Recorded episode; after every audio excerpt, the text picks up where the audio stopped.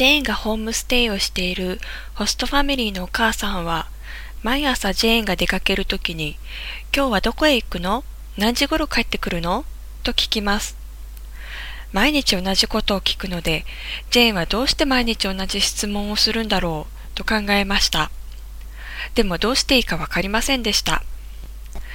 ある日、お母さんが同じ質問をしたとき、ジェーンは何か違うことを言ってみようと思って、学校へ行ってその後どこへ行くかわかりません。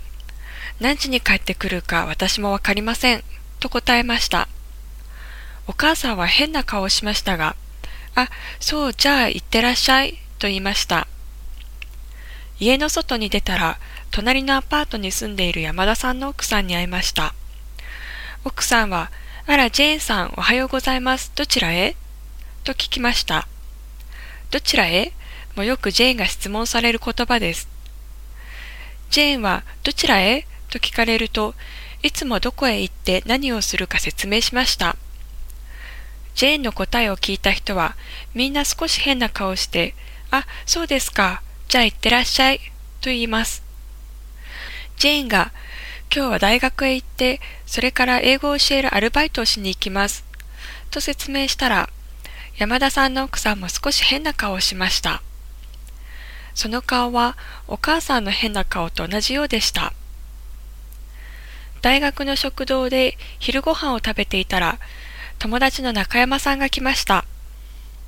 ジェーンは中山さんに、お母さんは毎朝私が出かけるときに、どこに行って何時に帰ってくるか聞くんですけれど、どうして毎日同じことを聞くんですか？と質問しました。中山さんは、私の母もそうよ。親だから子供が何をしているか知りたいんじゃないの？と言いました。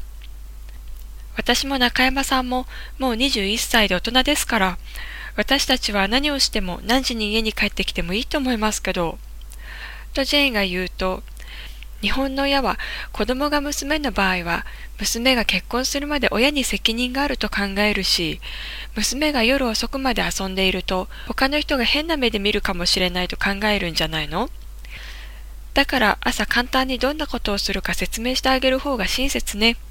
と中山さんは言いました。ジェイはもう少し聞きました。時々道で近所の人に会うんですが、いつもどちらへ？と聞かれます。その時どう答えればいいんですか？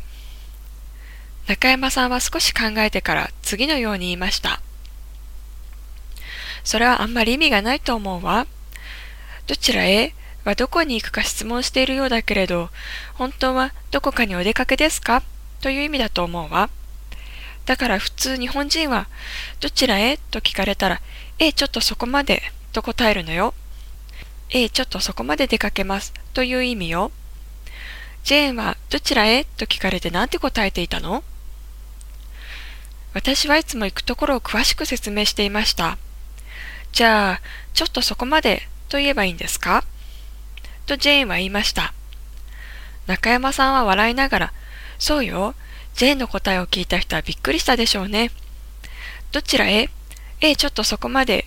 は挨拶だから詳しく説明しなくてもいいのよ。と教えてくれました。